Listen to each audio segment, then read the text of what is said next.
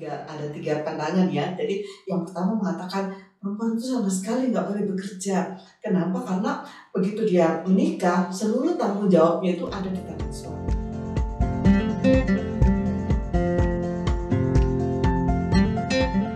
Assalamualaikum warahmatullahi wabarakatuh. Halo, jumpa lagi di Padira Podcast, pencerahan untuk keadilan dan kesetaraan. Nah, eh, kali ini kita eh, sebelumnya aku mau ngucapin makasih dulu nih buat sahabat Padira yang udah setia dengerin podcast kita. Kali ini kita hadir juga dalam versi video ya. Semoga teman-teman bisa menikmati dan suka. Kalau ada masukan kita siap terima. nah, eh, seperti biasa, selain kita membahas isu-isu yang krusial ya Mbak ya, yang lagi hangat dan hot, kita juga eh, memberikan pencerahan terkait tema-tema keislaman. Nah, kali ini apa tema Kali kita? ini apa coba? Ah, nah, kali ini kita akan membahas tentang perempuan bekerja. Nah, atau kita tuh sering nyebutnya perempuan pekerja di dalam pandangan Islam mungkin Iya, ya. lebih tepatnya kayak gitu. Kita mungkin sering dengar wanita karir ya, Mbak. ya. Hmm, iya. Padahal itu kok nggak ada laki-laki. Terus ada juga istilahnya, ada dua istilah kan, ada Iya. bilang wanita karir, ada perempuan pekerja. Beda apa enggak sih itu? Iya. Nah, tapi supaya kita nggak kepo Hmm. gitu kan. Di, di sini kan sudah ada ibu musda Iya. gitu. Jadi eh, gimana ini bu? Wah, iya. Kita kepo nih bu. Ada dua istilah gitu kan, sama-sama eh, eh, perempuan tapi yang satu sebutnya wanita karir, yang satu perempuan pekerja. Nah, apa memang kodratnya perempuan itu hanya di rumah gitu loh, atau gimana bu? itu Menurut ibu dan apa pandangan Islam terhadap eh, perempuan dalam hal ini? Menarik ya eh, isu kita. Jadi eh, sahabat Padira pencerahan untuk keadilan dan kesetaraan isu kali ini cukup menarik loh ya. Karena tadi istilah ada dua istilah ya wanita karir, laki-laki perempuan pekerja. Pertanyaan saya, kok nggak disebut laki-laki karir ya? Atau Iya, saya juga nggak pernah. Cuma padahal sama kan? Jadi kenapa kalau perempuan itu selalu punya istilah khusus dan sering kali istilah itu apa ya eh, eh, mendiskreditkan dia sebetulnya makanya nih wanita karir apa namanya rumah tangganya berantakan. Anak-anaknya tidak terurus tuh Nah, kan. itu begitu Itu selalu gitu. padahal kalau laki-laki karir nggak disebut anak kamu berantakan nih gara-gara kamu mengejar karir.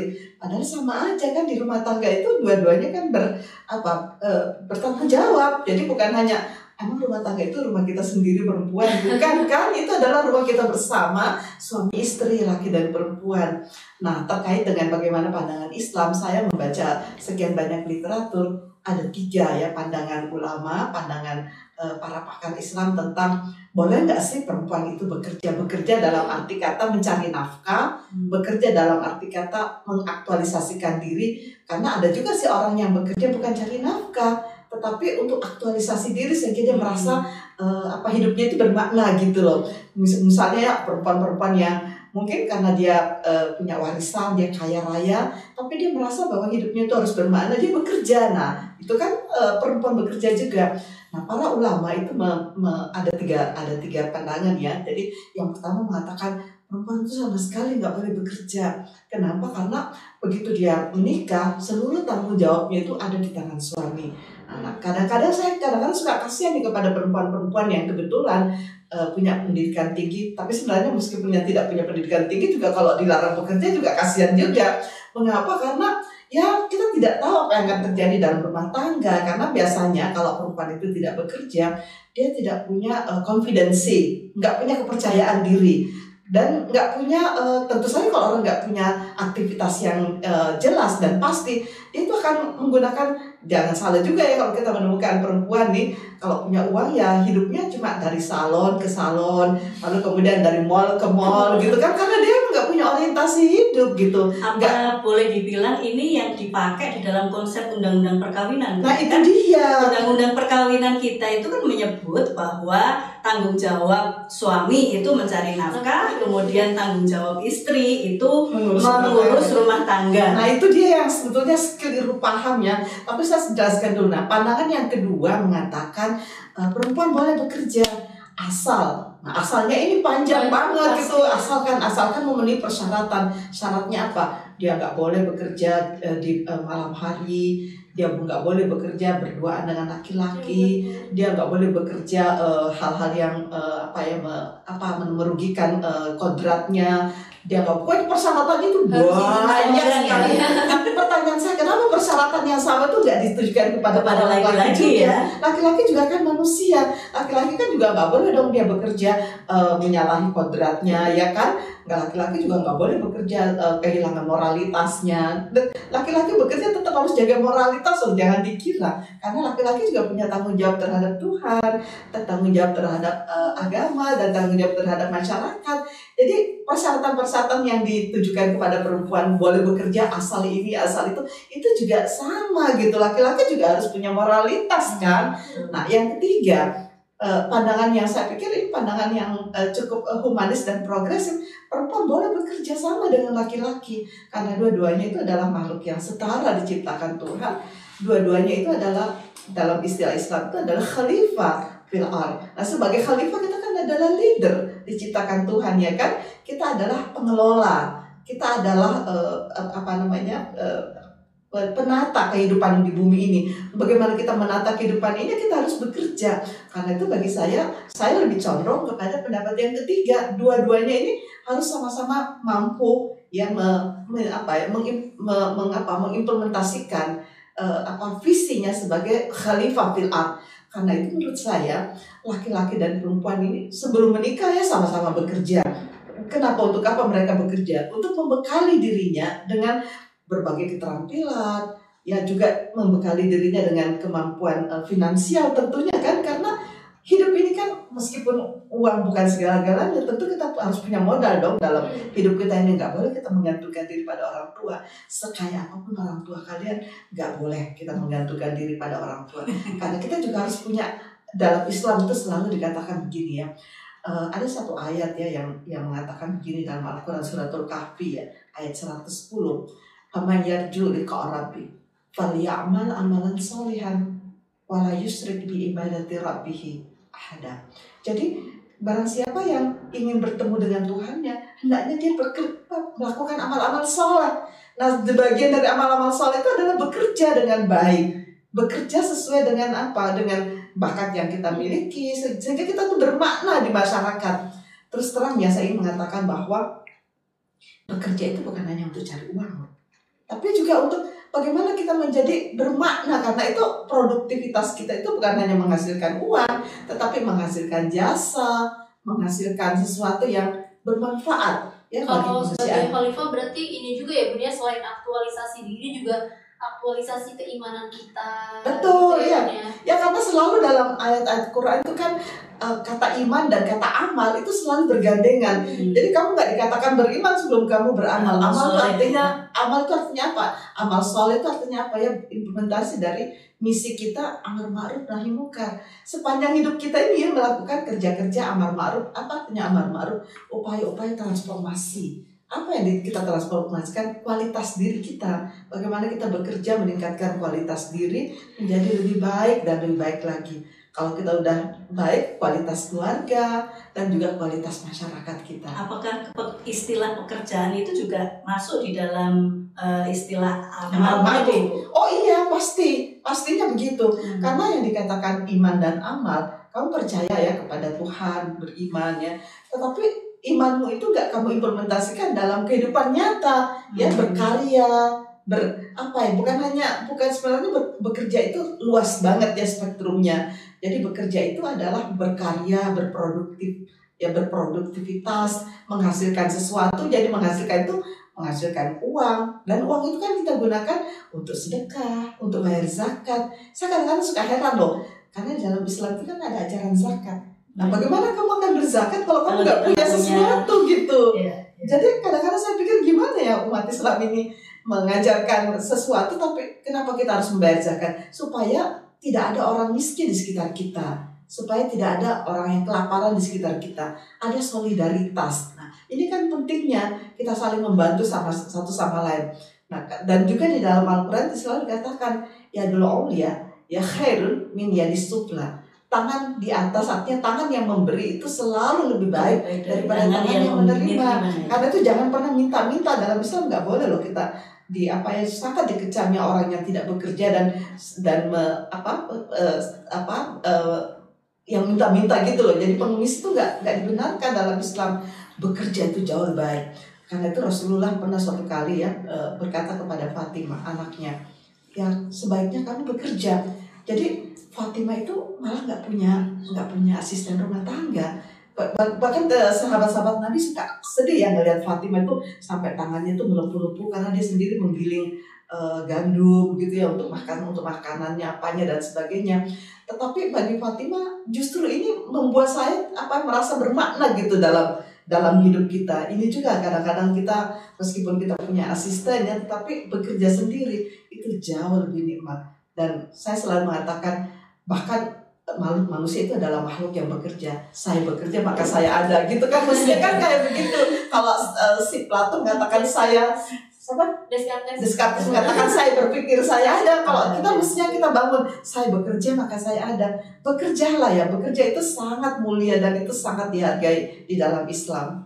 Nah, cuman ini tadi kan e, kalau saya bilang ya di masyarakat kita, terutama di Indonesia itu sudah ada pemberlakuan yang mungkin sudah dari turun menurun ya bahkan kemudian diundangkan di dalam undang-undang perkawinan itu bu. Nah kira-kira nih bu dengan tadi ada tiga perspektif itu gitu kan. Kalau saya sih secara pribadi sepakat sama ibu kita memilih perspektif yang ketiga ya. Amna mungkin milih mana nih? Ketiga dong. Oh iya. Yang ketiga itu maksudnya boleh bekerja boleh gitu. bekerja. bekerja tanpa syarat Iya, juga ya. ya. Jadi nggak nggak mesti harus oh perempuan boleh bekerja tapi jangan di malam hari. Perempuan boleh bekerja tapi jangan di tempat-tempat yang eh, nanti di sana berduaan syarat juga. Kalau ini tuh apa namanya izin suami kan Nah, apa ya? itu dia- itu tuh konteksnya gimana sih? Iya. Katanya Nah, maksudnya, artinya, iya. ya oke perempuan bekerja tapi bekerjanya perempuan tuh di rumah bukan di luar sama Nah itu dia tadi syarat-syaratnya tuh Gitu. banyak banget gitu loh. Kadang-kadang saya berpikir ya mendingan kamu bilang aja nggak boleh bekerja karena kadang-kadang syaratnya itu nggak masuk akal harus dengan izin suami. Nah suami juga kan harus dengan izin istri gitu karena ini kan ini kan suami istri gitu ya. Jadi keselamatan suami juga adalah keselamatan istri. Jadi suami ya kalau di mana pun kalian bekerja kalian juga harus minta izin pada suami dong, minta izin pada istri, minta izin Dan pada istri istrinya pada dong. anak-anak yang bosnya kerjanya itu di sini. Jadi anak-anak tahu suami eh, para istri tahu resiko pekerjaan kamu seperti apa. Nah, itu kan sebetulnya kalau dalam Islam resiko pekerjaan kamu itu seperti apa sehingga kan kalau terjadi apa-apa kita udah siap nih ya. Misalnya oh pekerjaannya itu sangat berisiko ke bawah. Misalnya dia bekerja di nuk dia apa dia di nuklir misalnya nih ya di di apa namanya instalasi nuklir. Dan itu kan sangat berisiko. Nah resikonya kita mesti tahu apa saja. Nah, tetapi dengan demikian dalam Islam itu dikatakan eh, kamu nggak boleh loh mengeksploitasi para apa namanya para pekerjamu. Nah, perempuan maupun laki-laki eh, dalam bekerja ini harus jelas ke hak dan eh, kewajibannya, haknya apa, kewajibannya apa. Ini harus kita perjuangkan kan, nggak boleh juga kita me- mengeksploitasi baik laki-laki maupun perempuan pekerja. kalau di rumah tangga tuh seringnya ini ya mbak kita tuh perempuan dihadapkan pilihan gitu mau Hmm. jadi ibu rumah tangga apa wanita karir kenapa Iya. itu Kenapa selalu dihadapkan pilihan baik kayak begitu ya? gitu Padahal kan bisa dua-duanya gitu. Saya wanita karir, tapi saya juga ibu rumah tangga karena ketika saya di rumah tangga sama. Nah sekarang begini deh, kita nggak usah lagi kata-kata ibu rumah tangga itu mestinya di delete. Karena apa? Rumah tangga itu kan milik bersama. Hmm. dan semua pekerjaan di dalam rumah tangga itu bisa dikerjakan berdua. Laki-laki juga bisa masak dengan baik, laki-laki juga bisa membersihkan rumah dengan baik. Karena saya melihat ya suami saya bisa kok membersihkan rumah dengan baik. Karena kan membersihkan rumah itu kan pakai tangan ya, nggak usah pakai nggak pakai payudara kan, nggak pakai rahim. Jadi nggak perlu eh, kodrat perempuan. Kan kodrat itu berkaitan dengan organ-organ reproduksi. Nah kalau menyusui itu memang kodrat perempuan, laki-laki nggak bisa menyusui, tapi laki-laki bisa menyusui anak, bisa mengasuh anak kan dengan susu yang sudah dikeluarkan ditaruh di tempat dan simpan di kulkas. Nah berikutnya kan kerjaannya si laki-laki kan menyusui anak, ya kan bisa begitu.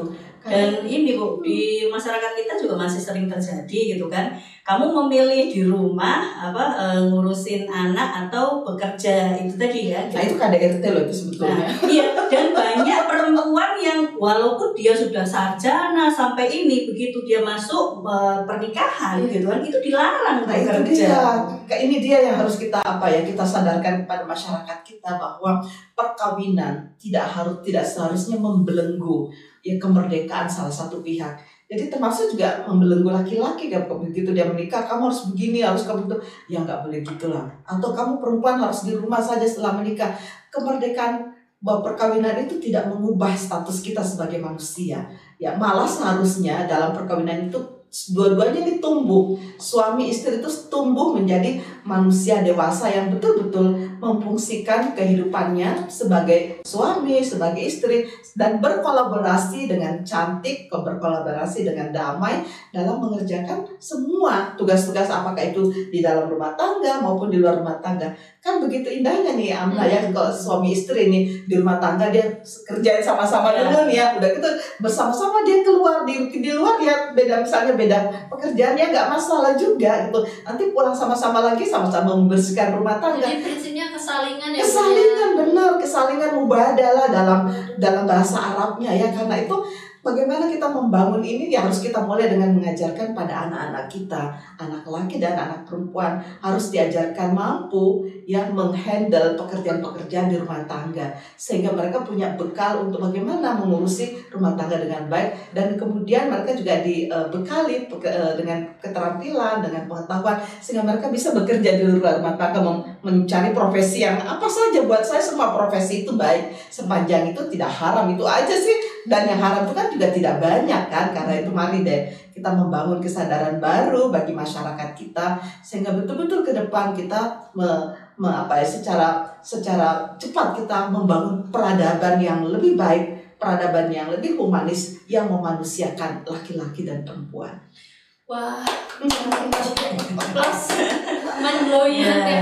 Jadi teman-teman stop ya buat apa yang kasih pilihan mau ibu rumah tangga atau bekerja itu Ya, ya, kita juga semua ma- manusia kita juga Iya, punya hak kan. kita juga sebagai perempuan kita juga bisa memilih antara saya tetap apa berumah tangga tapi juga saya ingin bekerja gitu. Ya, tetapi kalau kamu memilih untuk menjadi ibu rumah tangga dan pilihanmu itu dengan penuh kesadaran, it's Iya, okay. oke, It's gitu okay. kan. Tapi kamu sadarkan bahwa itu adalah pilihanmu dan Iya. kamu sudah tahu kan misalnya tiba-tiba suamimu meninggal, kamu tahu kan sadar bahwa suamimu nanti sakit atau suamimu kawin lagi atau kamu bisa bercerai kan semua semua kemungkinan itu bisa terjadi dan kamu sudah siap kan menghadapi semua risiko yang akan terjadi sehingga kamu tidak akan menyusahkan orang lain. suaminya juga sih itu kayak perlu ditanya kamu lebih siap meninggalkan janda yang bekerja atau janda yang nggak bekerja itu yang dua sampai itu Enggak, itu ceritanya gini, pertanyaannya. Kamu lebih suka meninggalkan istri yang merawat anak-anak kamu karena dia punya pekerjaan, atau kamu meninggalkan istri kamu suatu ketika yang nggak punya ke, kemampuan, nggak punya karena dia nggak nggak bekerja sehingga anak-anak kamu terlantar dan seterusnya. Rupanya kebanyakan orang memilih eh, jawaban saya lebih suka istri saya itu eh, apa namanya powerful, bisa menghidupi anak-anak saya, bisa menghandle keluarga saya dengan baik. Nah, kalau begitu izinkan istrimu bekerja dong. karena harapan perempuan lebih tinggi ya bunda Iya. Oke, eh, demikian eh, podcast kita kali ini, pencerahan kita kali ini. Eh, semoga teman-teman eh, suka. Kalau ada masukan, komentar dan lain-lain, usulan tema, eh, boleh banget di kolom komentar ya. Jangan lupa Jangan lupa subscribe, like, Comment. comment, and subscribe. subscribe. Wassalamualaikum warahmatullahi wabarakatuh. Salam Padira, pencerahan untuk keadilan dan Dan kesetaraan.